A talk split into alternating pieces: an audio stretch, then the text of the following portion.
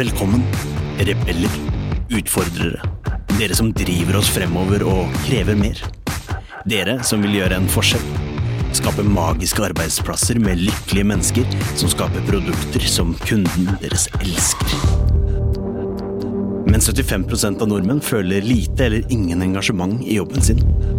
94% av ledere sier jo at smidighet og samarbeid er kritiske faktorer for at deres organisasjon skal lykkes. Men kun 6% av dem mener selv at de er smidige. Dette er podden som vil inspirere, gi deg konkrete tips og verktøy som vil hjelpe deg med å skape endringsdyktige organisasjoner med høyt engasjerte og motiverte ansatte som lager uslåelige produkter. Med Smidig-coachen, kurs- og foredragsholderen Ida Kjær. Ved sin side har hun kurs- og foredragsholderen, smidig-transformatøren og topplederen Tobias Falkberger.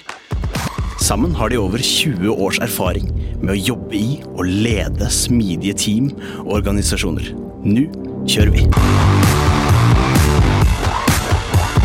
Hei og velkommen tilbake til Smidigpodden. Ja. Vi har hatt en eh, liten eh, opphold. ja.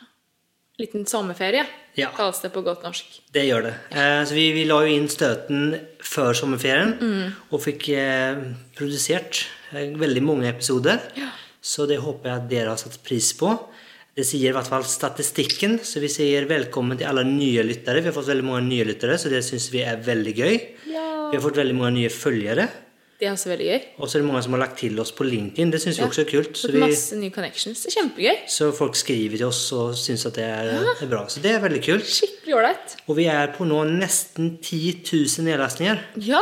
Det er ganske utrolig. Det hadde vi nå ingen trodd når vi starta. Nei, det hadde vi vel ikke. Så jeg føler for oss så føler jeg det liksom når vi når 10 000, da føler jeg det er ganske milepæl. Det er milepæl, så det er gøy. Ja. Og nå er vi i gang med en veldig spennende høst med en rekke spennende Så det her er egentlig bare den første av mange episoder. Så dere som har trodd at Smidigpodden forsvant, det, Det tar feil. det tar feil. For nå er vi tilbake sterkere kanskje We're noensinne. Yes. Så um, skal, vi, skal du gi dem noen dropp i det, hva de kan forvente seg det kommer for noe spennende tema i løpet av høsten? Yes. Så må dere ikke liksom arrestere oss eh, fullt på det her, hvis ikke det blir akkurat som vi har planlagt. på en måte. Men dette er i hvert fall det vi ehm, ser nå, da. at Det ser ut som. Skal vi nå ha Skal vi si at podden om endringsdyktighet er endringsdyktig? Ja. Ja. Jeg liker i hvert fall å tro det. ja. Ja. Så det kan hende at det endrer seg. Ja, ja. det endrer seg. Så vi skal ha Dagens episode handler om, om endringsledelse. Veldig spennende. Kommer litt tilbake til det. Eller ikke litt, vi kommer veldig masse tilbake til det, for det er jo det episoden handler om. Eh, og så skal vi snakke om smidig rekruttering. Eh, vi skal snakke om mindfulness. Vi skal snakke om lean. Vi skal snakke om sosiokrati. Eh, tight loose tight. Liberating structures. OKR-er. Eh, smidig reise Yara. Distributed agile. Så, Så ikke i samme episode, men i forskjellige episoder. da. Ja, altså det er veldig, ja, Høsten er lina opp, kan du si. Det blir sykt spennende. Jeg bare gleder meg. Vi kommer til å lære så mye. Så hvis dere som lytter har noen spørsmål rundt noen av disse temaene, eller alle temaene for så vidt, eller andre temaer, send inn. Som sagt, vi setter alltid pris på alle, allting dere gjør, sier ifra, eh, snakker med oss, eller legger oss til, eller hva dere finner på. Det er alltid gøy. Det er kjempegøy. Så gjør det. Mm. Eh, det har vi glemt å si, for, men det har du sikkert kanskje tenkt over. For i sånn starten av podden så var det jo en ny intro. Ja, det var nå- det vi skulle starte med. det var det vi skulle starte med, men det glemte vi. Men sånn er det. Nå er vi her i hvert fall. Ja. Eh, Så vi tenkte at det kunne være gøy med en liten ny intro. Litt sånn eh, friske opp ting. Ja. Så det har vi gjort. Så jeg håper at dere syns det var litt kult. Vi prøvde Ja. å være litt, eh, litt tøffere enn kanskje før. Ja. Men eh, syns det kunne vært litt Håper jeg kult. liker det. Ja. Ja. Hvis ikke så får dere bare spole over det, da. ja. Det er fordelen med podden. ja, ikke sant? Yes. Mm. Dagens episode Er kjempeinteressant. Ja, men det er ikke bare det. Vi faktisk, den er så spennende, så vi har spilt inn den to ganger. Vi har faktisk det, og det er min feil. Og jeg er evig takknemlig til Fredrik at han kom en gang nummer to og spilte inn. Eh, Det var min feil. Eh, Disken på Mac-en min var full fordi jeg redigerer video. Hvorfor driver du med videoredigering det? Nei, Det er fordi at vi, skal, vi driver og lager kurs. Vi gjør det. Og det jo, vi tar jo Det har jo alltid vært litt tanken at eh, vi ser at det smidig bringer til bordet, og kanskje vår tolkning av smidig, gjør at folk har det bedre på jobb, at det trives bedre, at man lager bedre produkter, og at kundene blir mer fornøyde. Så den gode eh, historien ønsker vi å spre. Så podden er jo en, en mulighet. Og så har vi nå begynt å leke med litt andre muligheter. Så vi er faktisk i gang og lager et kurs. Ja. Et video, et e-kurs, ser man det? E-kurs, ja. Ja, jeg tror digitalt, det. Digitalkurs. Så det blir gratis. Så det første kurset vi gjør nå, det blir helt gratis. Så uh, vi er ikke helt ferdig ennå. Nei. Men uh, der har vi uh, brukt eh, Vi har brukt veldig mye tid. Mye tid. Eh, Det er mye mer krevende enn man skulle tro. ja, jeg tror vi undervurderte litt det. Ja, det gjorde vi. Ja. Men det har vært gøy òg, så vi har Vi har eh, lært så masse. Kjempemoro. så vi har, eh, Nå har hjemmet vårt ikke bare vært podkaststudio, det har vært filmstudio òg. Ja, litt rart. Ja, og så har det vært videoredigeringsstudio. Podkastredigeringsstudio. Så det er mye, mye ting man skal lære av seg. Ja, mye ting man skal lære seg. Men jeg tror det blir veldig bra. Ja. Så nå gjenstår det liksom bare å gjøre det ferdig og finne ut av hvordan Hvilken plattform vi ønsker å liksom distribuere det her på, da. ja. Men det tenker jeg vi kommer tilbake til, så um, Det ordner seg. Så det ordner seg. Det kommer mer informasjon om det. Og så er det litt andre spennende ting på gang òg. Så det er, mm. jeg tror det blir en spennende høst. Så det er bare å uh, Hva sier man? Stay, uh, Stay tuned. stay tuned, ja. Ja. På godt norsk. All right. Men nok om oss. Nok om oss. Dagens Eller før nok om oss, så kanskje bare si det at hvis du som lytter vil være gjest, vet noen som vil være gjester, har noen gode tips til gjester, topics, whatever, ta kontakt. For det, det må vi si at mange av de gjestene vi har i, som vi skal ha i høsten, de har antingen tipsa om seg selv, eller at det er faktisk tidligere gjester som har tipset om dem. Ja. I flesteparten, i hvert fall. Så det syns vi er jo veldig kult. At liksom folk eh, ja. banker litt på døren og vil Ja. komme inn. Det setter vi pris på. Det er veldig gøy. Så fortsett med liksom det. Folk har interessante ting de ønsker å dele. da. Det er diskutere, veldig bra. å diskutere. Men kanskje med det kanskje vi skal si eh, velkommen til Fredrik. Ja, dagens gjest, eller denne episodens gjest, er Fredrik Dun Nordberg. Han jobber i Stretch og er endringsleder. Han er Prosi-sertifisert og ja, er rett og slett skikkelig god på endringsledelse. Så det var veldig gøy å få snakke med han og lære enda mer om et veldig spennende fag. Vi lærte veldig mye, så jeg håper at dere vil gjøre det samme. Yes. Så her kommer episoden med Fredrik. Velkommen, Fredrik, til Smidigpodden. Tusen takk. Kjempefint at du har lyst til å være her sammen med oss. Veldig hyggelig. Du eh, jobber i eh, Stretch. Ja. Og vi hadde jo en episode om endringsledelse i sommer. eh, Med Stine Førland, om, eh, men da mer rettet mot smidig coach og endringsledelse. Og så spilte vi på en måte litt ballen ut til den eh, smidige Hva skal man kalle det? Smidig sfæren? Smidig Til våre lyttere, til våre kanskje. lyttere, kanskje? Ja, ok. Kom meg ned fra min høye hest, liksom. Uansett, da. Og så fikk vi innspill om at du kunne være en kjempefin person å ha på podden. Og da sitter vi her. Så vil du starte med å fortelle litt om deg selv? Absolutt. Det var veldig, veldig hyggelig å få muligheten til å komme hit. Jeg hørte jo på episoden med, med Stine før jeg, før jeg kom hit, og det var veldig gøy og spennende å høre på. Og um, dette er jo et uh, område som jeg syns er veldig spennende. da. Denne, eh, dette synergien da, mellom smidig og NSL-else. Men, eh, men ja, jeg, jeg jobber jo i Stretch. Der Da jobber jeg som, som endringsleder, eh, som konsulent ute for våre kunder. eh, Og holder òg kurs i endringsledelse innen prosa-metodikken. Og eh, der har jeg vært nå i vel seks år. Før det så var jeg en tur i Accenture. Men endringsledelse har liksom alltid vært eh, mitt fag. da min, eh, mitt område som eh, en eh, ja, En blir aldri lei. Det er et utrolig spennende fagfelt eh, og et område som en, lærer noe på fra dag til dag, vil jeg si. Så det er et fagfelt også som er i, sterk utvikling. Altså, det har skjedd veldig, veldig mye på de årene som jeg har jobbet med det. Og, så det, det er kort om, eh, kort om meg og hva jeg driver med. Um, Hvordan ender det opp som en som Du sier du har jobbet med det i hele karrieren. Hvordan uh, Har du tatt liksom en, eh, en masterutdanning i endringsledelse, og så var det liksom det det ble? Eller hvordan liksom, har du sklidd inn i det som fagfelt? Liksom? Var det li- litt tilfeldig, eller er det veldig bevisst? klart man ser tilbake i tid, så er det jo, det er jo alltid noen tilfeldigheter som ligger der. Eh, Men eh, psykologi har alltid vært eh, et område som jeg har hatt veldig sans for. Helt siden ungdomsårene, egentlig. Mulig at min mor har hatt en påvirkning der. Min mor er psykolog. men og det ble jo ikke kliniker på meg, men, eh, men eh, jeg fant i hvert fall funnet min hylle. da. Mm. Det føler jeg veldig, veldig klart. Og eh, eh, studerte jo organisasjonspsykologi eh, på NTNU. Og så ble det konsulent og IT-bransjen. Eh, Det er jeg veldig veldig glad for i dag.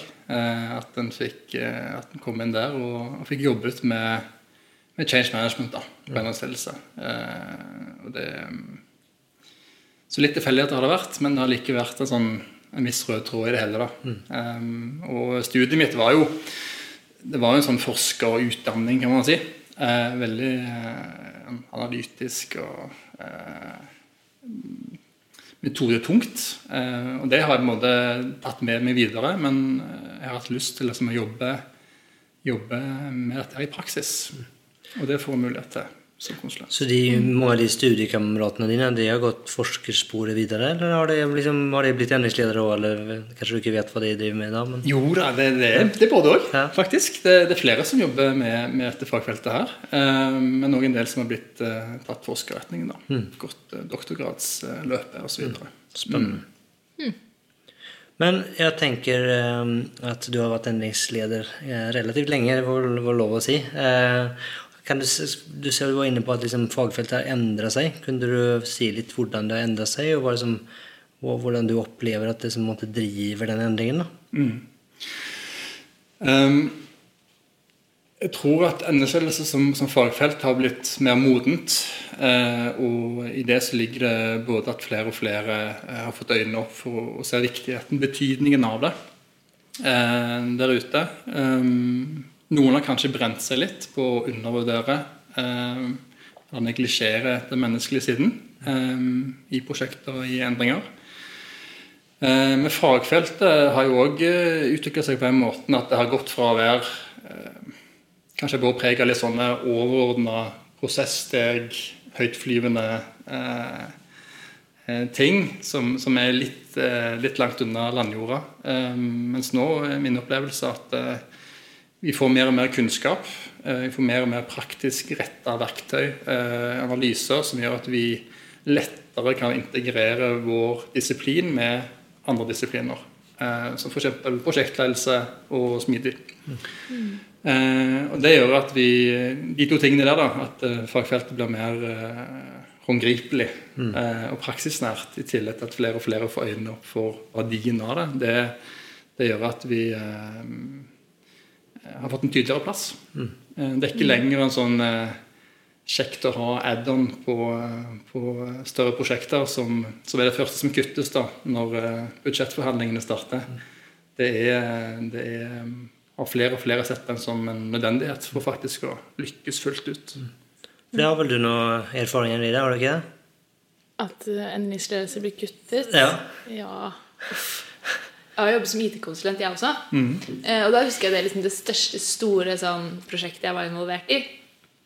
Eh, der leverte vi et tilbud. Eh, veldig sånn gammeldags prosess. på en måte. Vi leverte tilbud, og da var en stor del av det var endringsledelse. Og det anså Da var jeg ganske sånn fresh ut av skolen. Så jeg skjønte jo på en måte viktigheten av det, men jeg hadde kanskje ikke sånn forsto alle liksom, sider av men, eh, Så jeg forsto viktigheten av det, men det var jo det første kunden kutta. Mm.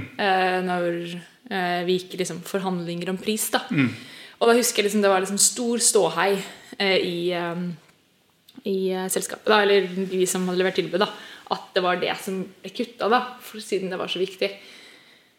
Eh, og det så vi jo helt klart viktigheten av lenger ned i løypa. Mm. konsekvensen av å ikke eh, ha med eksperter på det, da, og folk som var skikkelig gode på det. For vi prøvde å gjøre ting, vi òg, selvfølgelig, men det blir jo mest sånn opplæring og kommunikasjon. Det er jo så mye mer rundt det enn bare det. Så, ja. Så de fikk et teknisk produkt, men det var ingen kanskje forståelse eller eierskap til det? da? Nei. Mm, ikke sant?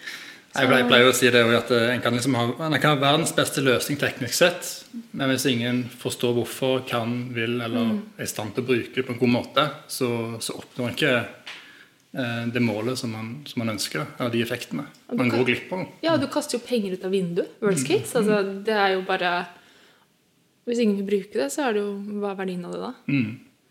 Men før vi går videre nå, så syns jeg vi skal ta litt noen steg tilbake. Og så bare vil jeg spørre hva er endringsledelse? Ja. Det er et godt spørsmål. Eh, og det, det er jo en ting da som en eh, opplever fra, fra gang til gang, at det, det er mange som har en formening om hva endringsledelse er, men det er ikke alltid vi, vi snakker helt samme språk. Um, som nevnt i sted, For noen så handler det om, om primært om opplæring og, og litt kommunikasjon. Um, men det er, det er så mye mer til det enn det. Um, Endringsledelse for meg handler om å, å sikre at de eh, brukerne, enten ansatte, kunder, leverandører, eh, som blir berørt av en endring i morgen, er forberedt, eh, rusta og får nødvendig støtte til å ta inn over seg den endringen som kommer, slik at de får realisert de gevinstene som er knytta til brukeradopsjonen. Eh, og i, eh, i mange prosjekter så er eh, det gevinstbildet litt sånn enkelt sagt litt sånn todelt. Du får gjerne noen sånn tekniske gevinster eh, som du høster eh, bare du trykker på play eller du går live. Eh, men så er det ofte en betydelig andel av disse gevinstene som er knytta til bruken av løsningen. Eh, og det er jo nettopp der endringsledelse kommer inn i bildet. Vi skal realisere de gevinstene som er knytta til brukeradopsjonen. Det er det som er vår oppgave. Um, og Det betyr jo òg at vi er eh, helt nødt til å jobbe tett og godt i samspill med eh, den tekniske siden, for å kalle det det. Um, og når jeg sier den tekniske siden og, og løsning, og sånn, så er det ikke bare systemet jeg tenker på. Det kan jo være prosessendringer, det kan være det nye org-designet, det kan være nye jobbroller osv. Men den tekniske siden, eller prosjektledelse eller smidig utvikling, handler om å, å, å utarbeide eller utvikle, designe, utvikle og levere en løsning. Eh, Det må på plass. Det er selve endringen. Eh, og så, så, så er det noen som må ta imot det der og bruke det eh, på en god måte. Eller å forholde seg til det nye arbeidssettet. Og sånn sett så har en så har en samme mål som andre disipliner i forhold til prosjektledelse og, og smidig. Altså Vi ønsker jo å, å, eh, oppnå de resultatene som man planlegger med. Eh, men vi har ulikt fokus eh, på hva vi jobber med. Men vi har samme mål. Så det er et felles verdiforslag og verdibudskap i dette her som, som er viktig. Eh, og hvis jeg skal si litt sånn enkelt, da. endringsledelse uten en definert endring har jo liten verdi. Altså Hvis ikke det er definert hva som skal endres, hva som skal justeres, eh, hva det nye er. Selv om ikke alt er planlagt fra et år, men altså overordna sett så har vi en formening om hva det nye skal, skal innebære. Så uh, uten det, så, så uh, ja. Da er endringsledelse meningsløst. For jeg tenker I en, en, en mer tradisjonell verden så er det kanskje tydeligere hva som er start og slutt. Men i en smidig verden eller en håndtering av mer komplekse problemstillinger så er det vanskeligere å kanskje både definere både start og slutt. Og det er kanskje mer kontinuerlig reise. Og der tenker jeg at det må jo, det må jo påvirke måten dere jobber på, ganske uh, mye. da. Ja, ja absolutt. Um, det gjør det. Jeg tenker det òg så er det liksom uh, noen eh, nyanser. da. Det ene er jo disse kontinuerlige endringene som aldri, aldri slutter. Um, det andre er flere parallelle endringer samtidig, som treffer samme grupper. Uh, selvfølgelig kan det treffes, treffes ulikt, da, men flere parallelle endringer samtidig uh, kan oppfattes som, som større enn de, enn de er isolert sett. Mm. Men i forhold til liksom, de kontinuerlige endringene, så, så, så tenker jeg at uh, utgangspunktet er jo at man allikevel eh, forstå rasjonalet bak hvorfor noe dras i gang. Eh, en bevissthet rundt eh, hvorfor eh, vi trenger å sette i gang en, en endringsreise. Eh, og at man er i stand til å eh, si noe om hvordan dette her faktisk treffer i praksis. At man ikke bare prater om disse store tankene, visjonene og målene på, på, organisasjonsnivå, men at man klarer å dra det ned på, på gruppe- og, og individnivå. Slik at hver enkelt som er berørt, faktisk eh, får en formening om hva dette betyr. Og, eh, og kan gjøre seg opp en formening om man ønsker å være med på denne reisen eller ikke. Og Nå er vi sånn inne i dette Adcar-segmentet, eller Adcar-modellen, som dere pratet med, med Stine om sist. Og Det jeg prater om nå, er jo awareness og, desire, som er de to første elementene. Når det gjelder disse, dette andre aspektet med, med, flere parallelle endringer samtidig, så det, det er jo noe som, som man kanskje ikke alltid tenker så mye på. Um, hvis, du, hvis, du, jobber i en, en større virksomhet og virksomheten har store planer og visjoner i forhold til uh, å igangsette flere endringer, så, så, kan endringene komme fra både høyre og venstre, ovenfra og unnifra. Uh, og dette blir konsolidert opp og oppfattes, kan oppfattes som, som, som overveldende for uh, ulike avdelinger og team og, og individer. Og Det er jo en ting som man ser hos virksomheter som er mer modne på NSLC, at de faktisk òg uh, ser dette helhetsbildet på endringer i virksomheten. Uh, og har òg et eh, innblikk i hvem det treffer, og hvor eh, omfattende det faktisk er. Eh, og Det er egentlig ting som en òg bør, bør hensynta i forhold til prioriteringer og dette med viktighet osv. Mm. Eh, for vi er jo bare mennesker, og det er en begrensning hva vi klarer å å ta inn over oss på en, eh, på en, eh, på en god måte. Da. og hvis man virkelig ønsker effekt ut av noe, så, så, kan det hende at man av og til bør prioritere enda hardere hva man faktisk eh, jobber med mm. eh, av endringer. Men jeg har liksom pratet litt med Stine om det òg, og jeg tenker at en, en, en, si, en fullt smidig organisasjon, når man kan liksom um, ordlegge seg på den måten, er jo veldig god på å håndtere endring. Mm. Uh, og da er man endringsdyktig og trent i endring. Uh, og i en sånn kontekst så er kanskje både er man vant ved endring, man er kanskje god på å håndtere endring og gjennomføre endring. Og da er kanskje liksom i en sånn kontekst Kanskje er det litt utopisk, men da er kanskje liksom behovet for en si, litt mer sånn strukturert tilnærming som endringsledelse tilfører, kanskje ikke så stor? Er du liksom enig i en sånn litt kraftig påstand? eh, ja, altså jeg tenker jo at vi er, vi er jo alle individer. Eh, og selv om man kan si at en, en virksomhet er fullt ut det smidige, da, eh, det benet, så, så, vil det jo være individuelle behov um, oppi dette. Mm. Det er det første jeg tenker. Um, og, uh, sånn sett så, så, bør man jo òg legge til rette for det.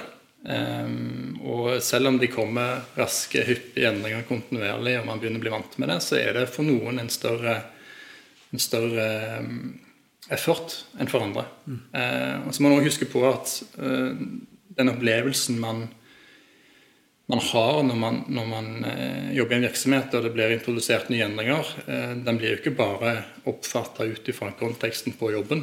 Det er jo òg ting eh, i livet vårt for øvrig mm. som er med å påvirke hvordan nye endringer oppleves. Det kan være ting på hjemmebane som gjør at det, det er en vanskelig tid. Eh, som gjør at ting er litt tyngre, ting går i tråder. Eh, som igjen er med på å påvirke hvordan man oppfatter dette nye som nå kommer. Så, eh, og sånn sett så, eh, så tror jeg det er, mm, det er litt mer nyansert. da. På et overordnet nivå så kan vi selvfølgelig snakke om en, en smidig virksomhet som er endringsmoden, men, men eh, endring, endring, handler om individer. Mm. Endringen skjer på individnivå, og det er summen endring på individnivå som skaper resultatene. Så ja. Bra svar. Um, du skratter i det? Nei, nei jeg bare begynt å tenke veldig. ja. Er det noen tanker du har lyst til å dele? Ja, det er det jeg satt og Nå er det stor eh, Nå er jeg litt redd for at det her kommer litt ustrukturert. da Jeg skal prøve å, å, det, prøve å tenke. Um, for det jeg tenker, er at mye av grunnen til at kanskje mennesker opplever usikkerhet ved endring, er kanskje fordi at de føler seg utrygge, f.eks. på arbeidsplassen, av ulike grunner. Fordi som sagt, at de vet ikke hvordan endringen treffer dem. Eller Men dårlig erfaring. eller dårlig erfaring. Men hvis man har en arbeidsplass som har høy psykologisk trygghet, som da er en arbeidsplass med et stor tillit og åpenhet, som vi ønsker i smidige organisasjoner, så må jo det gjøre at menneskene føler seg bedre ivaretatt. Og at de håndterer endringen bedre, selv om de har eksterne faktorer som gjør dem utrygge. Gir det, gir det mening? Ja, Ja. jeg tenker det også. Ja, altså har en et, et miljø som er, er trygt. Eh, så tenker jeg det med å- det, Da er det òg en større takhøyde da, å ta av ting Ja. som man kjenner på, som man føler på, som man, som man eh, opptar en. Um, eh, og som man kan lufte da med, med kollegaer og, og ledere osv. Og, så og um, det, det er jo en kjempegod egenskap. Men igjen så, så er det jeg tenker det kan, det kan avhenge fra person til person og Ja, fra gruppe til gruppe og fra Ja. team til team. Eh, selv om man generelt sett på et organisasjonsnivå eh, ser, ser på at vi har et, eh, et trygt og godt miljø. Da. Um, så um, um, hovedpoenget er liksom at det å, det å generalisere for stort, det kan også være en, en, eh, litt sånn skummelt. da. Eh, Si at sånn er det hos oss. Vi, her er det åpenhet, her er stor takhøyde, her, er her er alle trygge. Det, det kan selvfølgelig stemme, men eh, vi må ikke glemme igjen da at mm. vi må ha et individfokus oppi, oppi det hele. også. For det er veldig interessant det du sier nå. fordi det vi vet, er at psykologisk trygghet det lever jo på gruppenivå. Så det er på teamnivå, ikke organisasjonsnivå. Eh, Så det vil jo da si at på den måten så kan man velge å si at det teamet har veldig høy psykologisk trygghet. De har kanskje evner bedre å møte denne utfordringen, denne endringen, da, enn det neste teamet. Fordi de har lavere, da. Og da trenger man bruke mer en verktøykassen for endringsledelse inn mot det teamet kanskje versus det andre. Kanskje? Ja, ja, men altså, jeg tenker jo det, det handler jo om relasjoner og tillit. Og, og, mm. og det Man har gjerne det for en, en litt mindre gruppe. da, eh, Fremfor at man har det likt på tvers av hele organisasjonen. Eh, I hvert fall når vi snakker om større virksomheter.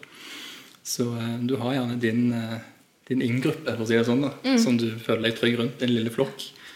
Um, og det er en begrensning hvor mange man kan knytte sånne tette relasjoner til. da. Ja.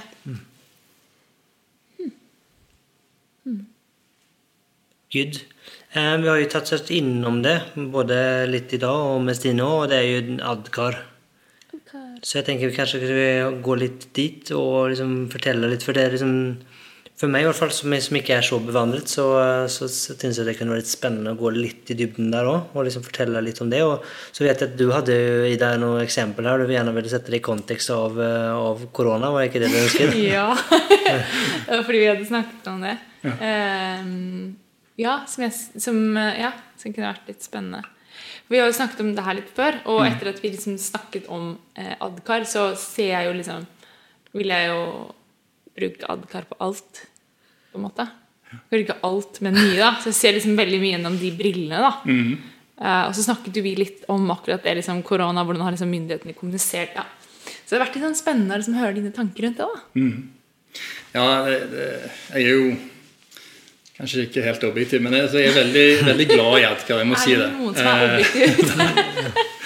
Eh, og, og Edgar er jo aller først en veldig, veldig enkel modell. Mm. Eh, det, er ikke noe sånn, det er ikke noe rocket science. Eh, veldig kompleks bak det. En modell som består av, av fem elementer, og som, som sier noe om hva som skal til for at endring skal skje på individnivå. Og de fem elementene er jo, og Edgar er jo et akronym som står for Awareness, Desire, Knowledge, Ability, Reinforcement. Eh, og for at endene skal på en måte sitte der, eller skje, eh, så må vi gå gjennom den, den rekkefølgen. eh, fra, fra awareness til og med reinforcement. Um, awareness handler jo om å skape en bevissthet for hvorfor endringen skjer. Hvorfor skjer den nå? Eh, og hva er risikoen hvis vi ikke endrer oss? Um, når det er plass, så kan vi begynne å fokusere på det som heter desire, eh, som er denne personlige motivasjonen hos hver enkelt. Eh, what's in it for me? er et første spørsmål som vi alle går og tenker på når vi hører om noe, noe nytt som skal skje. Hva betyr dette for meg? Uh, uavhengig av hvilken rolle eller posisjon du har, så tenker du gjerne oi, hva betyr dette for meg? Uh, og det, det, er naturlig, og det er viktig å, å, svare på. Og det er ofte det som er vanskelig. da, det å, det å klare å gå fra eh, en litt sånn overordna eh, definert endring til å svare på hvordan hver enkelt faktisk treffes. da, Hvordan morgendagen faktisk vil se ut for hver enkelt. Um, og det her krukset ligger, det her er kampen gjerne står. da. Mm. Uh, klarer man å komme forbi desire, så, så, gir det mening å begynne å tenke på, på opplæring. Uh, få en teoretisk kunnskap om hvordan man skal jobbe i morgen. Eh, mens ability handler om denne praktiske ferdigheten til faktisk å kunne utøve den nye oppgaven, eh, den nye jobbrollen, bruke nye systemet på en, på en effektiv og god måte. Og så har du det siste elementet som heter reinforcement. Um, sikre at de fortsetter å jobbe på den nye måten. At ikke man faller tilbake til gamle synder eller finner nye workarounds. Um, at de går, går, i takt og, og gjør det som man som er tiltenkt. da. Mm. Eh, og Det snedige med Edgar da, det er at eh, det er en modell som ikke nødvendigvis bare brukes, trenger, eller kan brukes på jobb, eh, i, og, og, endringer der, men kan også brukes på privaten. Mm. og Så snakket vi litt i det med dette med koronasituasjonen. vi har jo vært gjennom et, et halvår nå og kanskje litt mer enn det òg. Mm. Uh, veldig spesiell tid for alle. Og vi har jo sett, uh, sett hele, hele, samfunnet og hele kloden egentlig mm. gå gjennom ganske betydelige endringer i mm. måten vi er på, oppfører oss på, mm. og, og håndtere disse smittevernreglene. og det er sånn veldig interessant case liksom, å forstå gjennom disse Edgar-brillene som du pekte på. Um, hvis jeg tenker tilbake til uh, februar, tidlig mars, så, så, hadde vel de fleste av oss kanskje hørt om at det var noe på gang da, nede i, mm. nede i Asia, i Kina. Uh, men det var jo ingen av oss som, som gjorde noe annerledes pga. det. Um, det var så langt borte. Det var ikke relevant for oss. Vi har fortsatt klemmer, vi tok hverandre i hånda. Vi var ikke noe særlig eh, redde for å stå tett på T-banen osv. Um, og jeg husker spesielt godt på den tiden at jeg hadde akkurat starta min, eh, min uh, pappaperm, en permisjon. Uh, og så har jeg en nabo som, som er fra Kina. Ja. Og hun, hun, kom bort til meg en ene dag mens jeg var på trilletur. Og så spurte hun om jeg hadde hørt det om dette korona viruset i, i Kina, da, og hva jeg tenkte om det. Mm.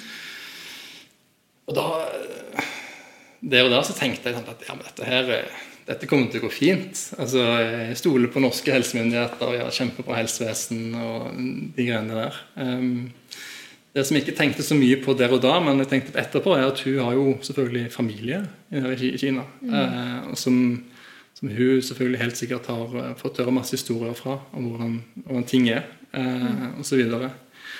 Eh, og eh, hun var liksom, oppriktig bekymra for hvordan det kom til å, å gå. Eh, for det var selvfølgelig kommet mye lenger eh, eh, der nede. og, men så kom jo skituristene fra Alpene hjem til Norge den 12.-13. mars. eller noe sånt. Mm. og da da, da slo det meg at nå gjelder dette her også. Mm. Med andre ord min awareness, eller min bevissthet rundt eh, at dette her er noe som jeg òg må forholde meg til. Mm. Dette gjelder nå. Det er en risiko her. Um, vi hadde jo selvfølgelig hørt uh, at ting begynte å stige ned i Italia og ned i Sør-Europa. Um, igjen, det var en permisjonstid for meg. og uh, et annet eksempel på sånn eh, surrealistisk opplevelse var jo å gå og handle midt på dagen en torsdag eller noe sånt, med handlevogn. Skulle bare ha noen små greier, og det var fullstendig kaos i butikken. Folk hamstra mat, toalettruller osv. Eh, åpenbart at noe hadde skjedd Ja. Eh, igjen, awarenessen og, og mm. til, eh, i forhold til dette her var, var, hadde steget. Eh, og så kom jo regjeringen og, og, og helsepersonell og fagpersonell på banen. eh, og kom vel med, med både anbefalinger og, restriksjoner og eh, diverse. Eh, dette med å eh, ikke ta folk i hånda. Dette med å sprite hendene eh, og vaske hendene og ha rene hender før du spriter dem. Eh, motivasjonen min til å gjøre det nå, motivasjonen min til å unngå butikken eller unngå å ta T-banen eh, for å altså, Min atferd eh, for å redusere den risikoen for smitte, den, den var jo òg relativt høy ganske fort. Det var ikke vanskelig i det hele tatt. Så de anbefalingene som kom, og det å se Bent Øie og, og Erna Solberg på, på scenen daglig med fagpersonell rundt seg, eh, konkrete råd, konkrete tips eh, Igjen da er vi inne på knowledge ability. Hvordan skal du nå forholde deg til, til dette nye? Det er jo ting som, eh, som sikkert mange hadde en god eh, formening om, men det var jo eh, klart noen presiseringer med, med dette med én meter og igjen vaske hendene før du spriter osv. Den var jo ganske grei liksom, å få opp. da. Jeg tror ikke veldig mange tok det inn over seg ganske raskt. Um, men når du kom da ut i, i eh, mai, da, når sola begynte å komme, varmen begynte å komme, og, og, og utepilsen og badingen frista eh, Og vi hadde jo holdt på nå i et par måneder, så, så kunne vi jo se at um, ting begynte å glippe litt. Eh, det ble flere, flere eh, samlinger av folk. Eh, vi holder til nede i Torgata, og eh, en kveld som jeg jobbet litt lenge, så, så var det plutselig fest ute i gata. Eh, altså, ja. Og det, det skjedde jo litt sånn brått, da. Men eh, det er jo et tegn på at den der reinforcementen, altså den der forsterkninga, at vi fortsetter å holde trykket oppe med, med holde avstand, smitt, tenke smittevern i alt vi gjør, det, den, den satte ikke helt lenger. Så åpna de opp da gjennom sommeren med eh, frislipp ut mot Europa. Eh, vi bestilte sydenturer på, på dagen etter pressekonferansen. Liksom. Eh, så kom vi hjem igjen, og så får vi en ny boost nå. da. Eh, og det tror jeg igjen gjør noe med oss. da. Altså Det er en sånn eh, reinforcement mechanism som gjør at vi, vi går litt tilbake igjen til eh, til eh, det litt harde regimet som vi hadde før. Da. Så det, det er et, et, det ble et langt eksempel nå, da. Men eh, det er veldig interessant å tenke litt rundt eh, og caser utenfor jobbsfæren. Eh, for det skjer endringer rundt oss hele tiden, og vi står midt oppi det. Um, så ja. Men, men min tanke det, det, Når jeg hører historien din eh, For det første er det morsomt å bare tenke tilbake på alt vi har vært igjennom. Ja. Men, men det andre er at det høres ut som at som fra et eh, endringsledelsesperspektiv så var det egentlig ganske riktig gjennomført. Men så var det liksom litt sånn på slutten med den reinforcement og den biten der som det begynte å glippe litt. Og det er kanskje sånn er, det Så egentlig to spørsmål her. Det ene er er det, er det riktig og, um, tolket av meg? Og det andre er at er, er det ganske hva skal jeg si, eh, gjenkjennbart i andre typer endringer òg? At det kanskje er den siste steget som er det vanskeligste, og det er det man glemmer? Så skal ikke bli sånn for politisk da, til om det var riktig, riktig eller galt. Det, det skal jeg spørre meg for. Men, men eh, jeg, jeg syns jo at eh, em, Jeg kan mene hva man vil med en del av disse tiltakene, men, men eh, altså, overordna sett så syns jeg jo det er ganske utrolig hva, som, hva han har fått til da, i samfunnet. Eh, Men må tenker på, liksom, på den store massen. Eh, og det er jo ingen som måte har opplevd noe, noe i nærheten før. Eh, sikkert heller ikke de som måte har hatt fagansvar og, og overordnet ansvar for dette. her. Eh, og det har jo virkelig skjedd en stor stor endring i samfunnet. Eh, det har blitt ja, vi sier, den nye normalen. Eh, og, dette med å holde avstand, sprite og vaske hender er jo bare en liten ting, men det er jo hjemmekontor, det er nye digitale løsninger, you name it. Det er jo en, en masse med ting som vi har fått til. Um, og, eh, og jeg syns jo det måten da eh, både regjeringen og disse faginstansene har, har opptrådt på, har vært fascinerende og læ- lærerikt rett og slett å se på. Eh, og jeg tror jo oppriktig at det, det er- jo forskjell på om, om Erna eller Bent Høie eller noen i, FHI eller Helsedepartementet hadde sendt en eller annen fagekspert, kun det, versus at Erna og Bernt står på scenen hver eneste dag. I tillegg til at vi får eh, harde fakta, harde tall på noe, hvor mange er smitta nå, hvor mange ligger i respirator, hvor mange har, har eh, dessverre gått bort.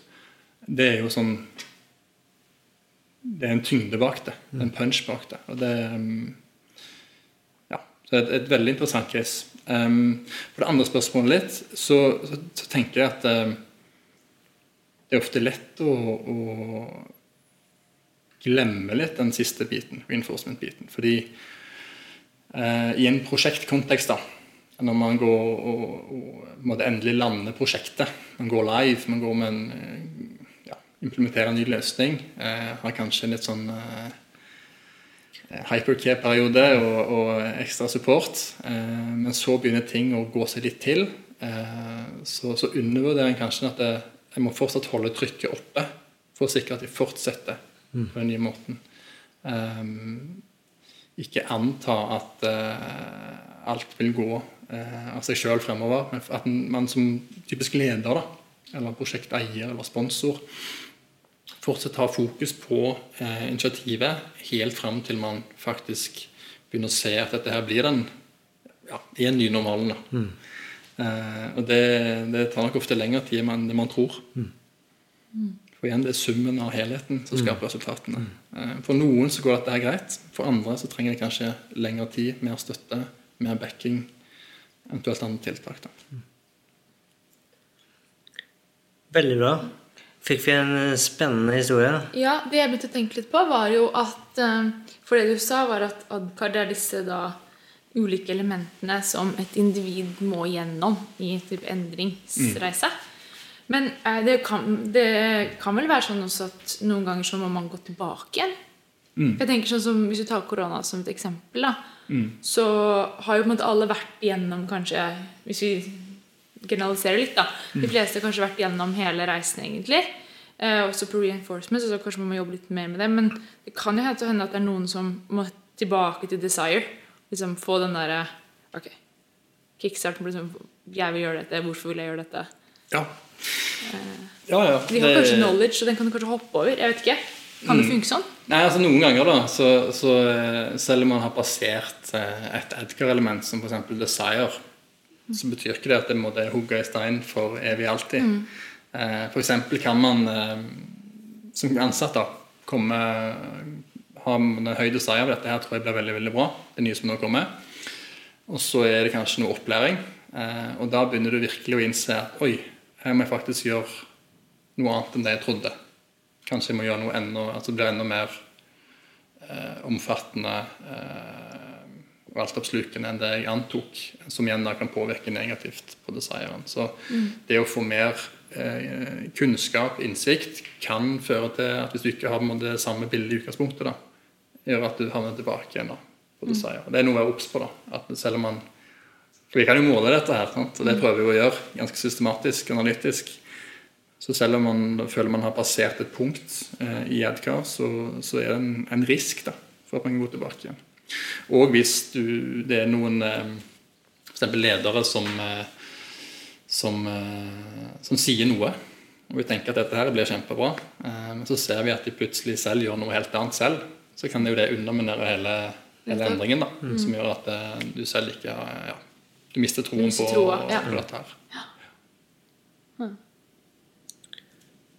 Ja, det er en fin presisering at det, det, det er vel lett å tolke det som at det er vel, relativt lineært, men det er jo Ja. egentlig ikke det. Sant, det- ja. For det er jo det jeg lærte om endringsledelse på universitetet. Ja. Så lærte jeg om kotter. Ja. Ikke sant? Kotters åtte steg. Ja. Hvor mange steg? Åtte. Ja. Eh, Og liksom, hva heter det? Change cycle, er det det heter? Uansett, da veldig sånn lineær tilnærming. Sånn, ja, så gjør du det, og så gjør du det, og så gjør du det, og så gjør du det, og så er du plutselig i en perfekt verden hvor alle har det kjempebra. Ja, ja.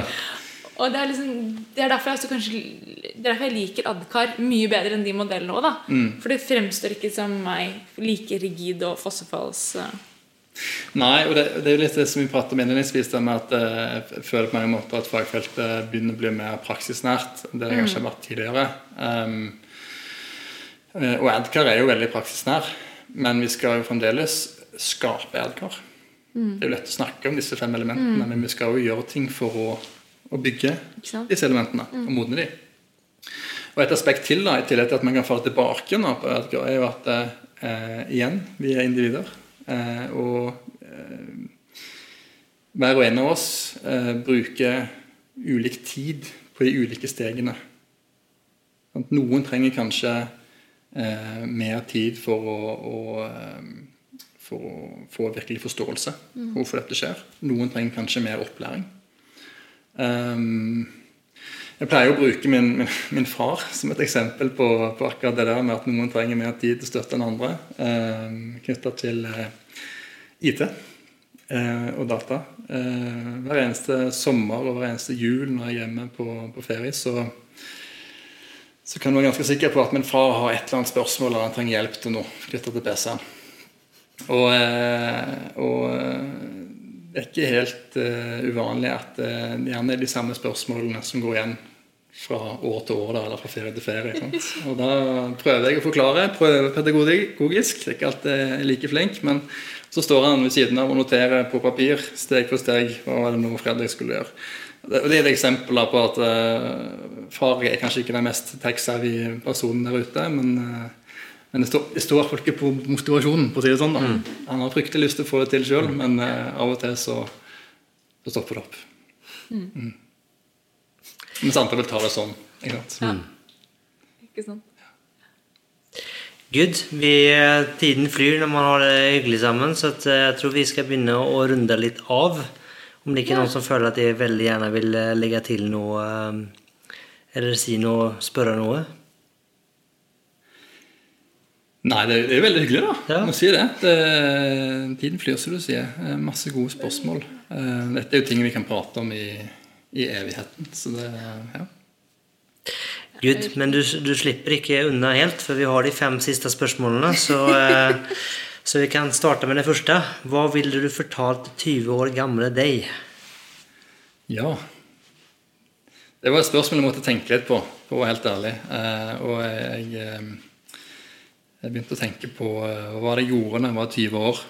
Og da var jeg det var jeg som mange andre i Forsvaret. Og da,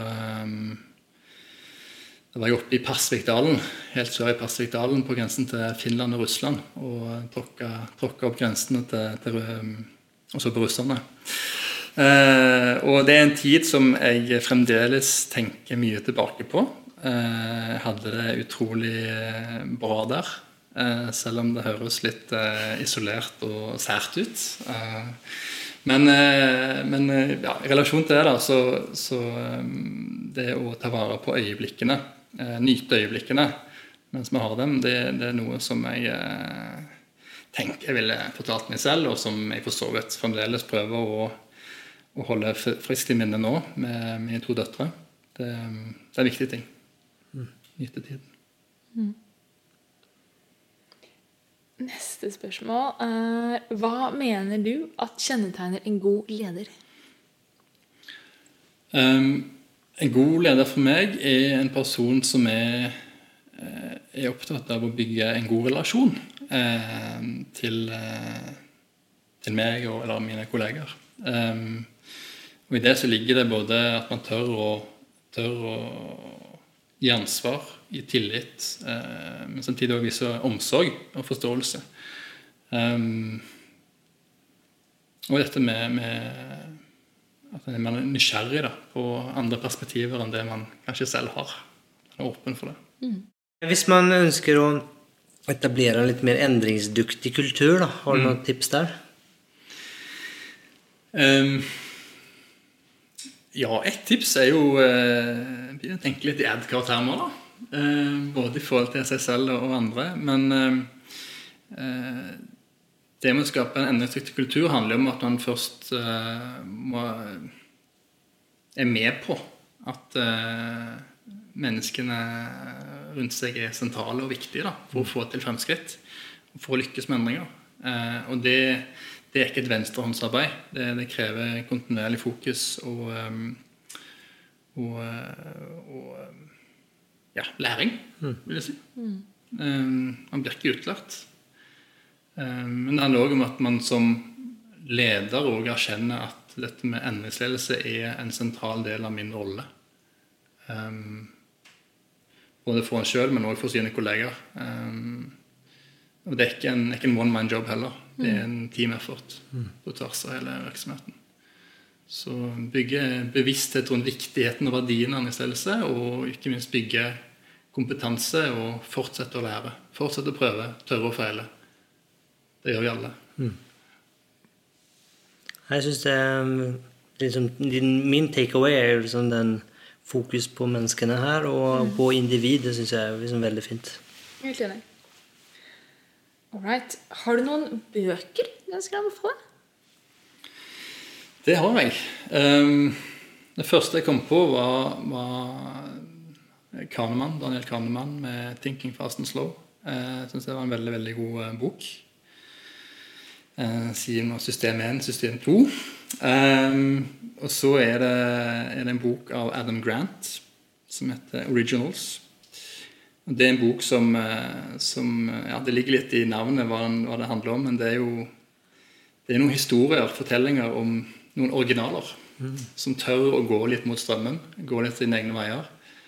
Eh, og som bryter et sånn gruppe, gruppetenkningsmønster. Eh, som så òg var veldig bra.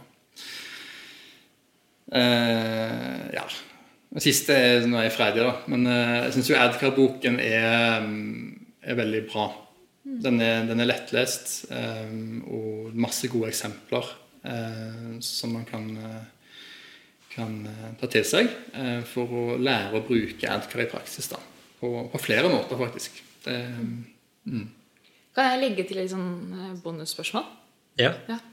Eh, Og det er jo det at Hvis man hører på denne poden, så tenker man sånn Åh, jeg har lyst til å bli bedre på endringsledelse. Hvordan, hva skal man gjøre da?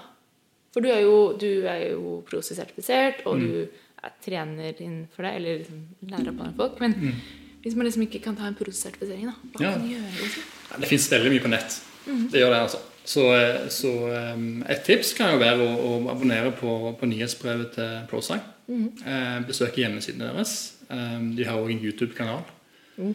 med masse webinarer som ligger ute. Um, med web- webinaropptak. Så du Ja.